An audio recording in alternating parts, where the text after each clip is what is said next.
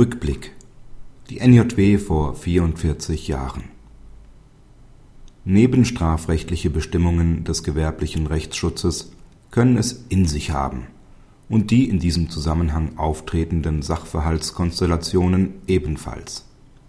Ein Beispiel ist das Urteil des BGH vom 30.05.2008, in dem sich der erste Strafsenat unter anderem zu grundsätzlichen Fragen der Strafbarkeit verbotener Werbung im Versandhandel geäußert hat.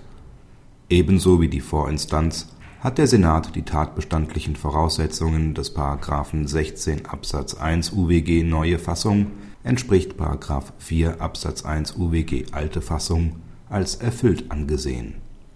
In sehr viel bescheideneren wirtschaftlichen Dimensionen bewegte sich der Fall, den das LG Essen am 27.05.1963 zu entscheiden hatte dessen besonderer Reiz aber in der Geschäftstüchtigkeit des damaligen Angeklagten liegt. Als Inhaber eines Schmuck und Uhrenhandelsgeschäfts war es ihm gelungen, seinen Umsatz durch manipulierte Zwangsversteigerungen zu fördern. Die Kammer verurteilte aus § 4 UWG alte Fassung und erntete dafür eine kritische Anmerkung von Tetzner in NJW 1964, Seite 1356 unter der Rubrik Kleine Beiträge begründet der Autor seine Auffassung, dass und weshalb die gegen den Angeklagten gerichteten fingierten Schuldtitel als Causa der Zwangsversteigerung gar nicht in den werblichen Tatbestand eingegangen waren. Indessen beschränkt sich der Beitrag nicht auf die Kritik an der landgerichtlichen Entscheidung.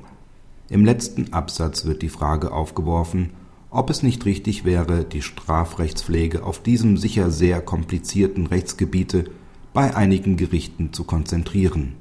Sollte das, was im Zivilrecht gilt, nicht auch für das Strafrecht anzustreben sein? Der hinter dieser Überlegung stehende Wunsch an den Gesetzgeber sollte wenige Jahre später erfüllt werden. Mit der 1971 erfolgten Einführung des Paragraphen 74c GVG. Man sieht, schon damals wurden die wirklich wichtigen Fragen in der NJW gestellt